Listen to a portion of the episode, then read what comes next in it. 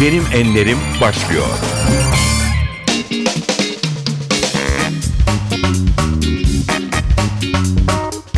NTV Radyo'nun Benim Enlerim programına hoş geldiniz. Ben Aynur Altunkaş. Bugün yanımızda Türkiye'nin en çok tanıdığı psikiyatristlerden Profesör Doktor Özcan Köknel var.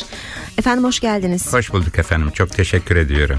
E, Şiddetin Dili adlı yeni kitabınız çıktı. E, son yıllarda toplumumuzda özellikle aile içi ve kadına yönelik şiddetin dozunun da arttığını e, düşünürsek e, bu çalışmanız yol gösterici niteliğinde.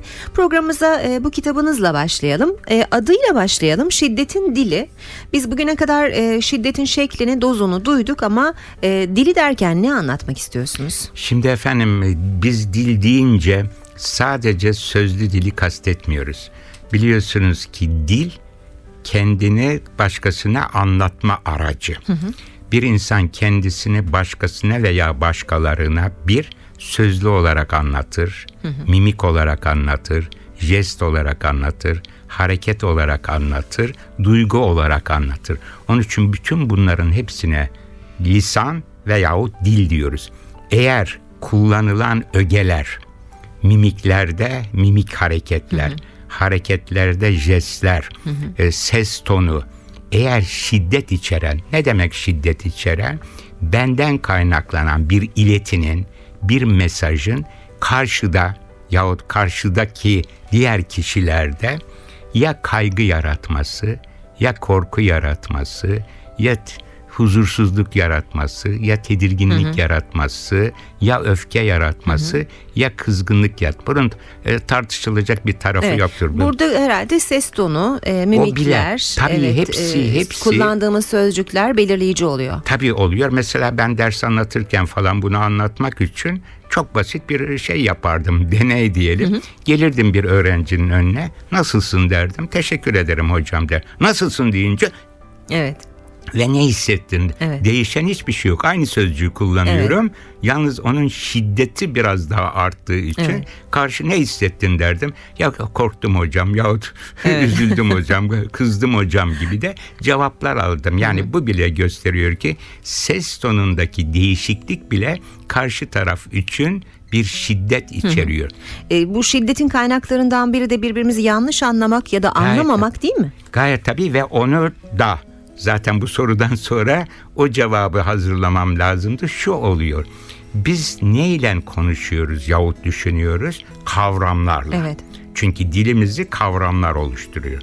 Kavramlar nasıl oluşturuyor? Kavramlar doğal ortamdan veya toplumsal ortamdan gelen iletilerin, hı hı. uyaranların, mesajların bizde bıraktığı iz. Hı hı. Yani şöyle tanımlanıyor çok kısa olarak doğal ve toplumsal ortamın insan beynindeki iz düşümü kavramlar. Hı hı. İşte bunlarda birbirinden farklı yüklenmeler olursa kavrama uzlaşmazlık, anlaşmazlık evet. ortaya çıkıyor. En basiti bütün psikoloji kitaplarında çok klasik bir örnek verilir. Elma. Hı hı. Bir çocuk için, 3-4 yaşındaki bir çocuk için bazen elma kırmızı bir cisimdir. Bazen yuvarlak bir cisimdir. Bazen meyvadır. Ama elmanın evvela meyve olduğunu değil mi? Evet. İkimiz de anlamazsak birimiz evet. kırmızı birimiz yuvarlak dersek işte burada bile bir şey. Hele bu soyut kavramlarda çok fazlasıyla ortaya çıkıyor. Evet. Belki elmada, armutta, ekmekte, peynirde o kadar değil ama orada bile ortaya çıkıyor. Muhakkak. Ama ne bileyim bağımsızlık gibi, özgürlük gibi, cumhuriyet gibi, laiklik gibi falan çok soyut olan şeylerde hmm çok fazlasıyla ortaya çıkan yahut da ne bileyim bağımsızlık gibi işte e, evde kullandığımız bir sürü soyut kavramlar gibi o zaman da işte çok aşırı bir uzlaşmazlığa anlaşmazlığa, ötekileşmeye, yabancılaşmaya da yol açıyor ve bunların hepsi de yavaş yavaş şiddet dilini oluşturan ögeler. Evet. Şimdi başta söyledik ya son yıllarda toplumumuzda şiddetin e, dozu arttı. İşte aile içi şiddet, özellikle kadına yönelik Tabii. şiddette artışlar oldu. E, siz e, bunlar yüzünden mi bu kitabı yazmaya karar verdiniz? Tabii. Bunlar yüzünden. Yani ben aşağı yukarı bir e, ne diyeyim 70-80 seneyi çok iyi hatırlıyorum ve üstelik de bunu yazarken katiyen daha eski geçmişi kitaplardan şuradan buradan öğrenerek değil, kendi yaşadığım süre içerisindeki gözlemlerimden kaynaklandım.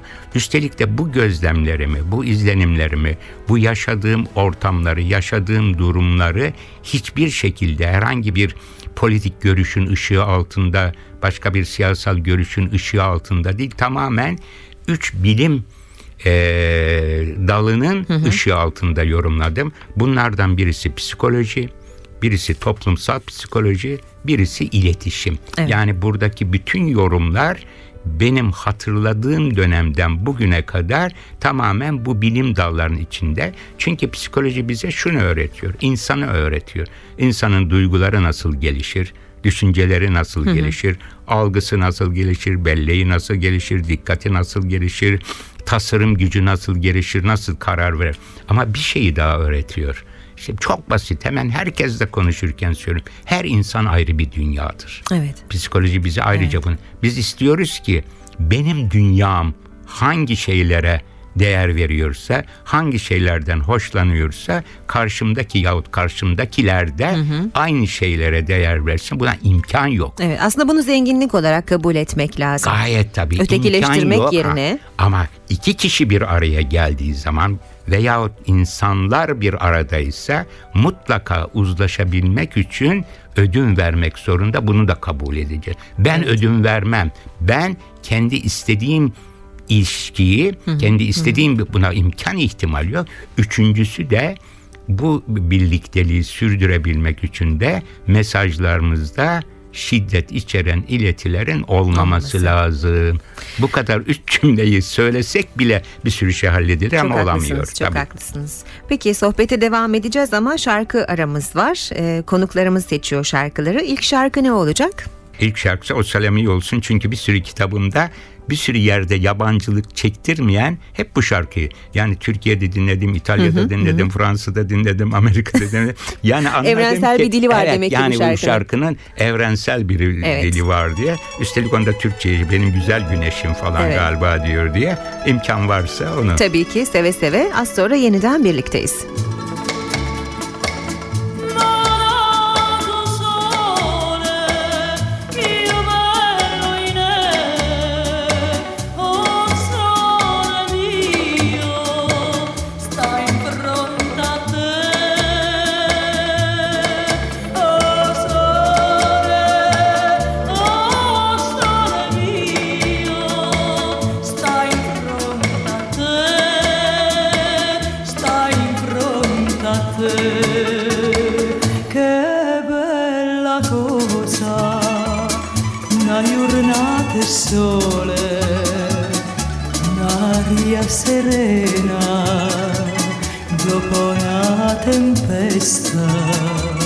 Per l'aria fresca.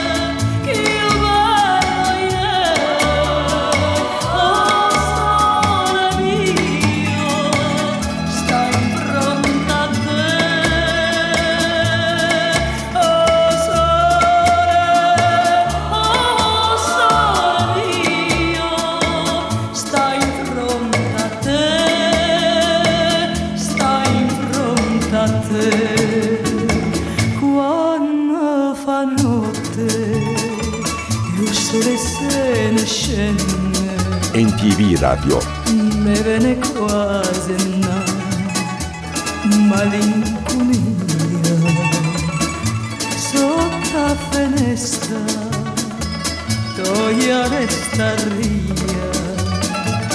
Quando fa notte il sole se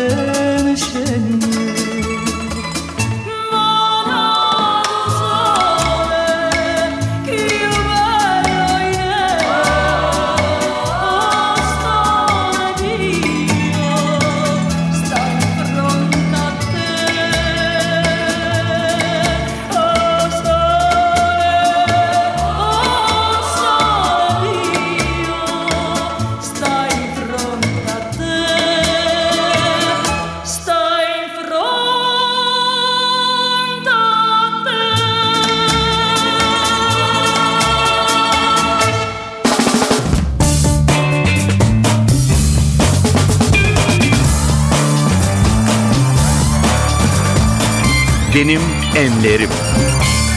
NTV Radyo'da benim enlerimde Profesör Doktor Özcan Köknel'le birlikteyiz. Hocam e, son kitabınızı konuşuyorduk Şiddetin Dili. Siz yıllardır kitaplar yazıyorsunuz, e, hastalarınıza danışmanlık yapıyorsunuz, e, medya kanalıyla bildiklerinizi bizlerle paylaşıyorsunuz. Ama acaba verdiğiniz mesajları hani baştaki konuya dönecek olursak biz doğru anlıyor muyuz? Vallahi tabii sizin doğru anladığınız kesin de çoğunluğa bu mesajlar istediğimiz e, ne diyeyim bilgiyi aktarabiliyor mu? Pek o kanaatta değilim. Neden acaba? Üstelik e, yani neden hemen söyleyeyim. Hepimiz çünkü bakın ruh bilimde bize yanlış yaptırtan iki savunma mekanizması var. Bütün hatalarımız bu savunma mekanizmalarını günlük hayatta kullandığımız ve kullandığımızın da farkında olmamanızdan kaynaklı. Bir tanesi akla uydurma diyoruz, rasyonalizasyon. Çünkü bir insan olarak biz ne yaparsak yapalım doğru yaptığımız kanaatindeyiz. İkincisi de projeksiyon yapıyoruz, yansıtıyoruz. Yani bu iş hatalı yahut yanlış ama sebep ben değilim, sensin. Halbuki evvela acaba benden kaynaklanan işte o zaman rasyonalizasyon yahut da akla uydurma mekanizmasını eleştirmeye başlıyoruz. Bunu hiç yapmıyoruz. İşimize gelmiyor. Evet. Onu yapsak. Yani bir olumsuz durumla karşılaştık. İlk soru acaba benden kaynaklanan bir yön var mı? Bunu görebilsek, bunu anlayabilirsek inanın ki bir sürü sorunu çözmek çok daha kolay olur. Hemen bunu aktaran bir fıkra söyleyeyim. Adam Buyurun. adamın birisi kendisinin öldü olduğuna, ölüm ol, ölü Öldüğüne. olduğuna inanırmış. Bir sürü doktora gitmiş işte tedaviler şunlar bunlar katiyen düzelmiyor. Nihayet bir hekime gitmiş. Hekim uzun uzun bunu dinlemiş, muayene etmiş. Bak demiş sana bir soru soracağım. Ölünün kanı akar mı? Hemen efendim öyle olur mu öyle bir şey demiş. Parmağını ver demiş. Almış. Alt batırmış iğneyi şakır şakır kan akıyor. Peki buna ne buyurulur demiş.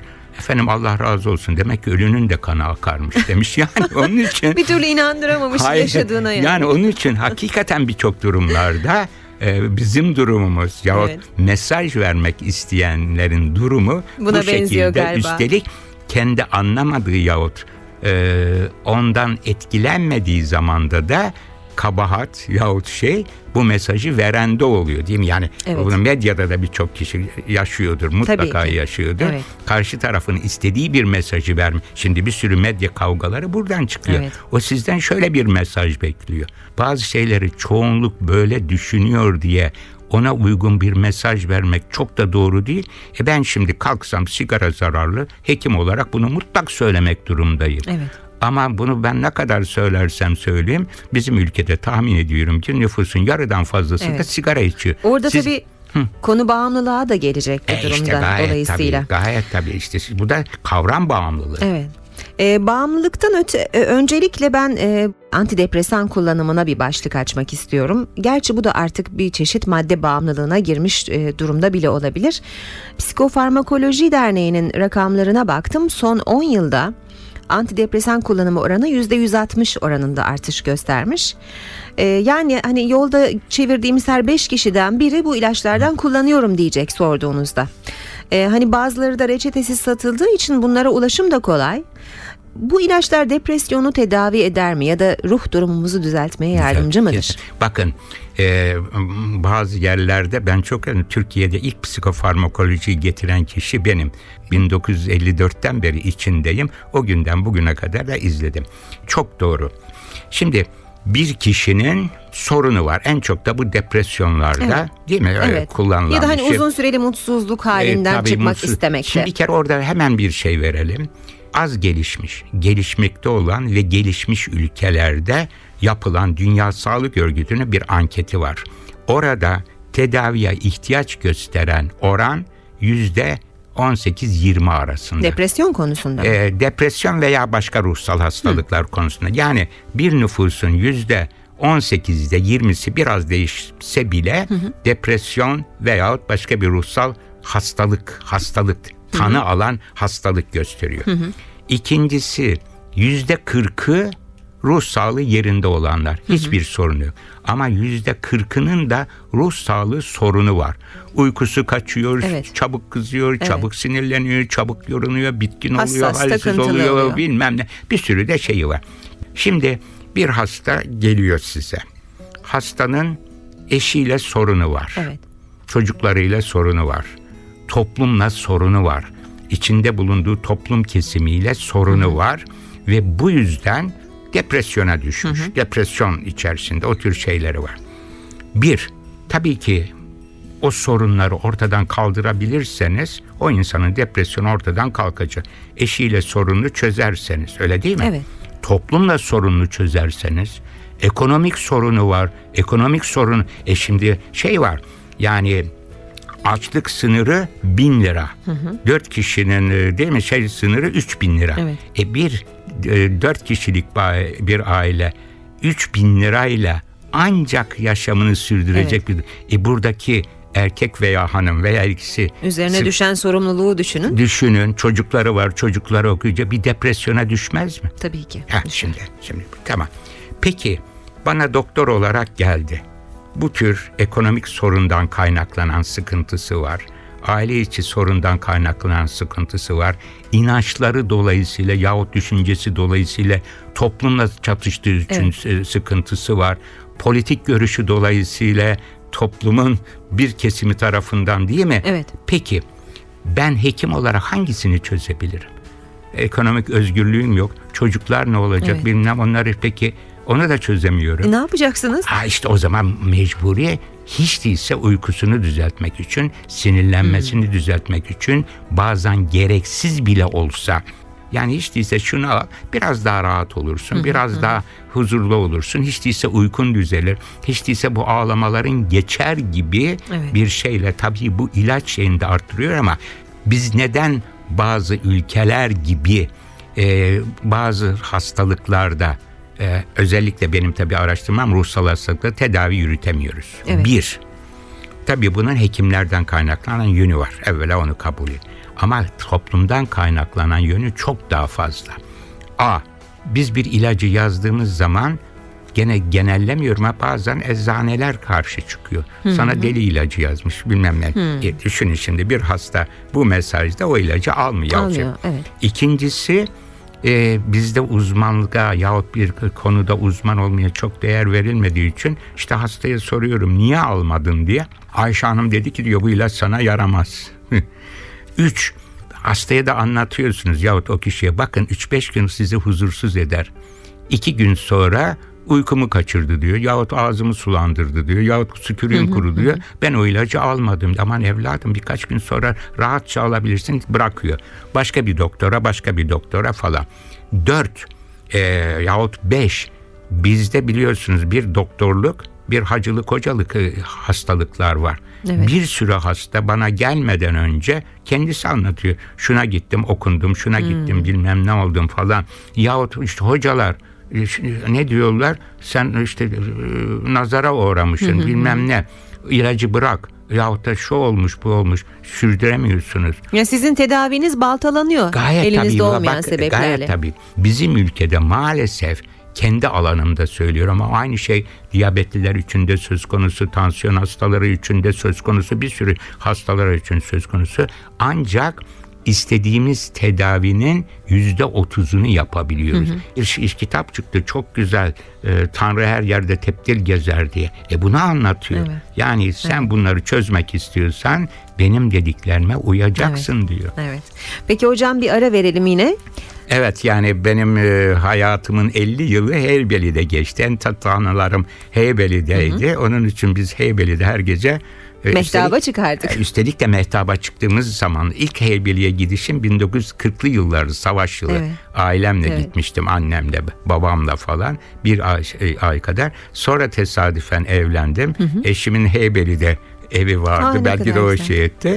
E, Onun için yani Heybeli'ne hakikaten benim yaşantımda Özel çok bir yeri var. Evet. Peki, yani bir şarkı- herkese aynı kavram değil işte Heybeli kavramı benim için çok değerli bir Evet. Tam kavram. o zaman sizin şarkılarınızdan biri olmuş. Bu şarkıyla devam ediyoruz. Biz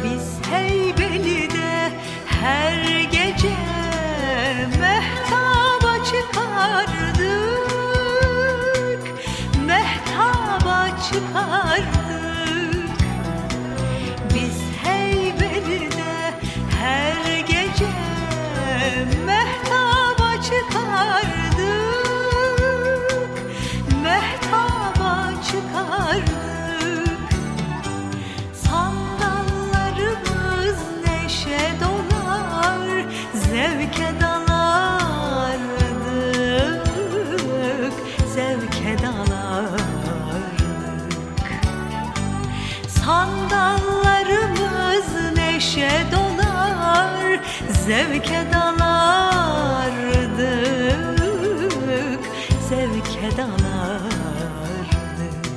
NTV Radyo. Saz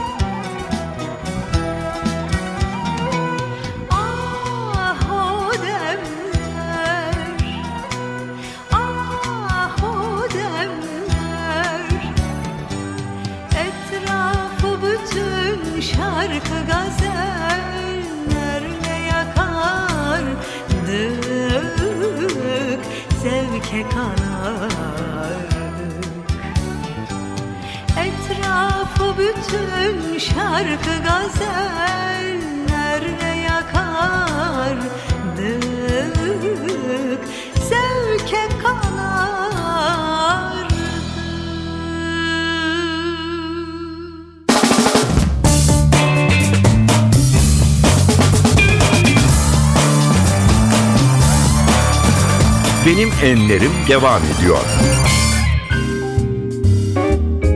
NTV Radyo'nun Benim Enlerim programında konuğumuz Türkiye'nin en tanınmış e, psikiyatristlerinden Profesör Doktor Özcan Köknel. E, hocam en çok hangi vakaların tedavisinde zorlandığınızı düşünüyorsunuz? Valla e, çok bilen kişilerin tedavisinde çok açık olarak söyleyeyim. Çünkü onlar her an e, biz tıp fakültesi 4. 5. sınıfta okuduğumuz derslerin etkisi altında kendimizi hep hasta sanırdık.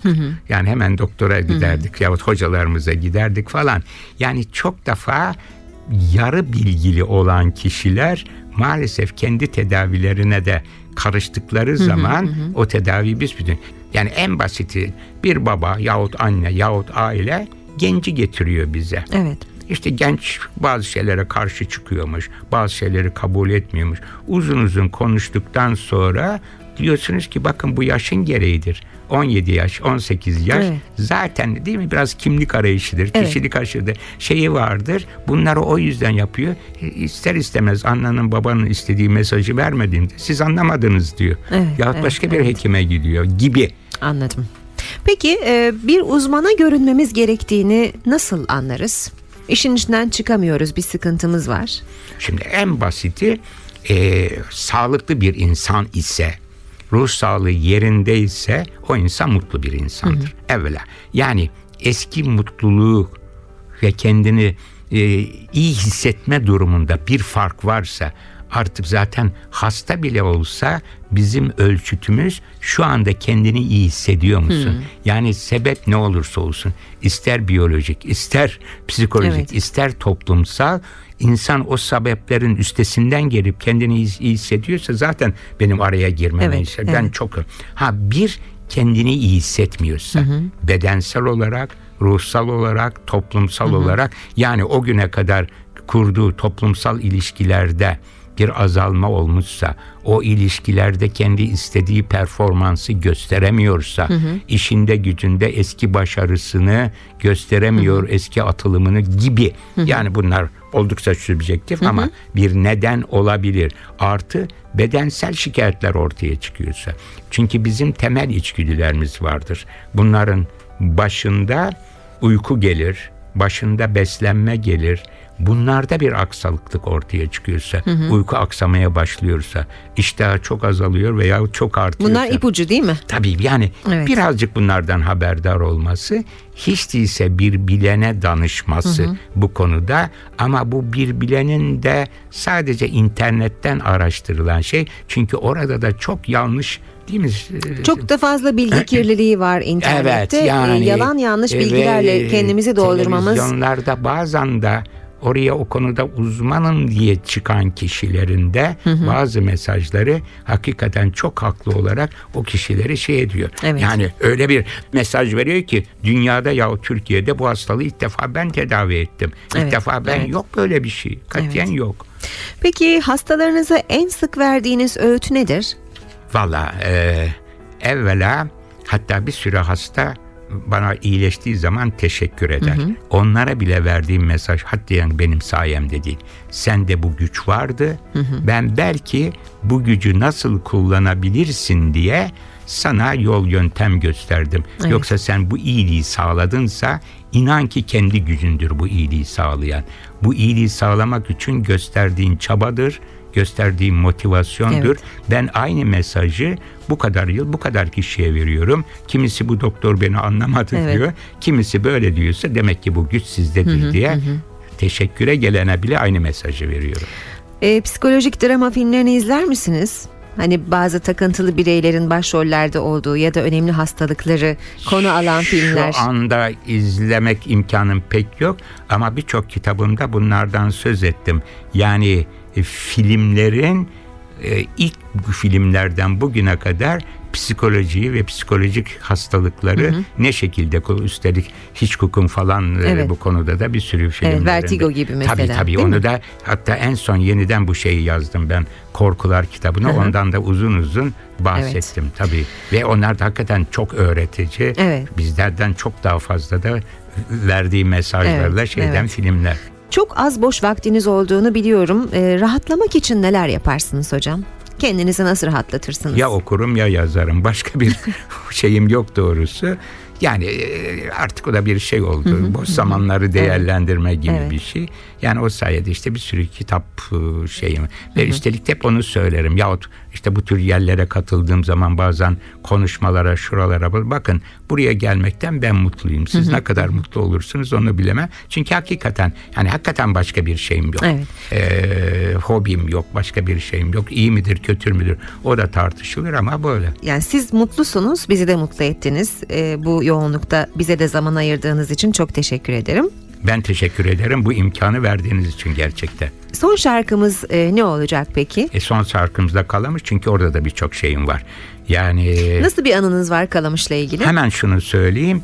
Ee, benim annem babam evvela öğretmendi. Sonra İş Bankası'nda çalıştılar. Babam İş Bankası'ndan 1966 yılında emekli oldu ve emekli ikramiyesiyle Kalamış'ta ev alma imkanı oldu. Bizler için hayal olan Ha, onu geçmişten gelen Evet, örnekler. Ben 1995'te emekli oldum. Emekli ikramiyesiyle inanın ki mutfağa tamir bile ettiren. Ya. Şimdi evvela bu ölçü. Yani babam 120 lira ama ne bir emekli ikramiyesi almıştı. Orada bir daire alıp diğer 40 bin lirasıyla da yurt dışına falan çıkmış. Yani bu imkanı Evet, varken. evet. Onun için bir kere hakikaten biz aile olarak Allah rahmet eylesin annemle babamla da bir şey.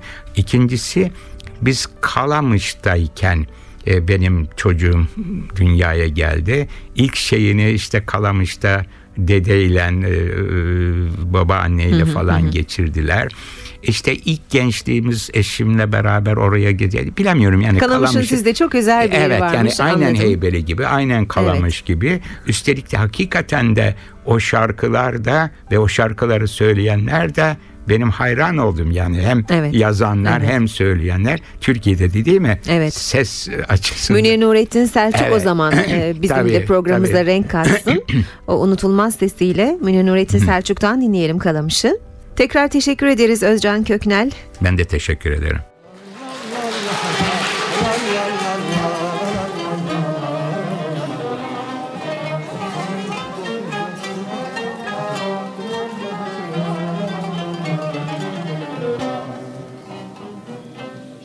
Yok başka yerin lütfu ne yazda ne de kışta Yok başka yerin lütfu ne yazdan ne de kıştan. Bir tatlı huzur almaya geldik Kalamış'tan. Kalamışsan Bir tatlı huzur almaya geldik Kalamıştan, kalamıştan Yok zerre teselli ne gülüşten ne bakıştan. Yok zerre teselli ne gülüşten Ne bakıştan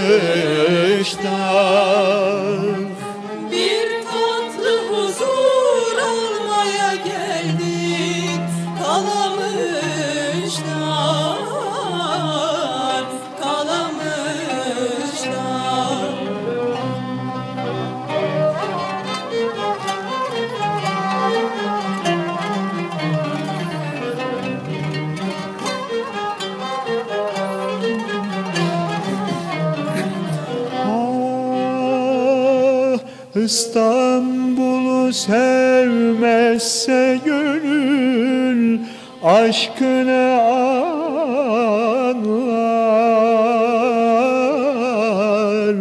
Aşkını anlar. Düşsün suya yer yerlisin eski zamanlar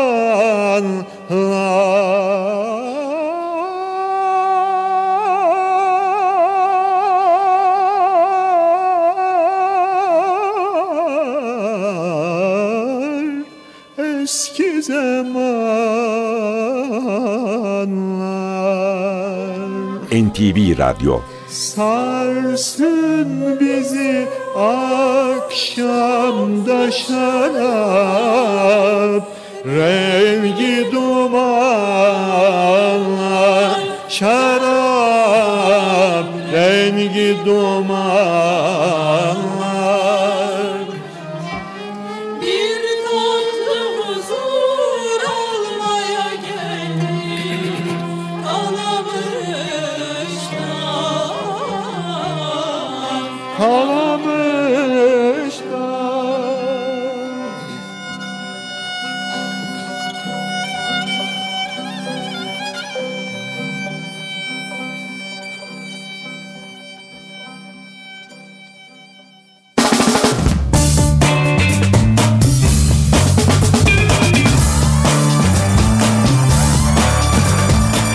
Benim Enlerim sona erdi.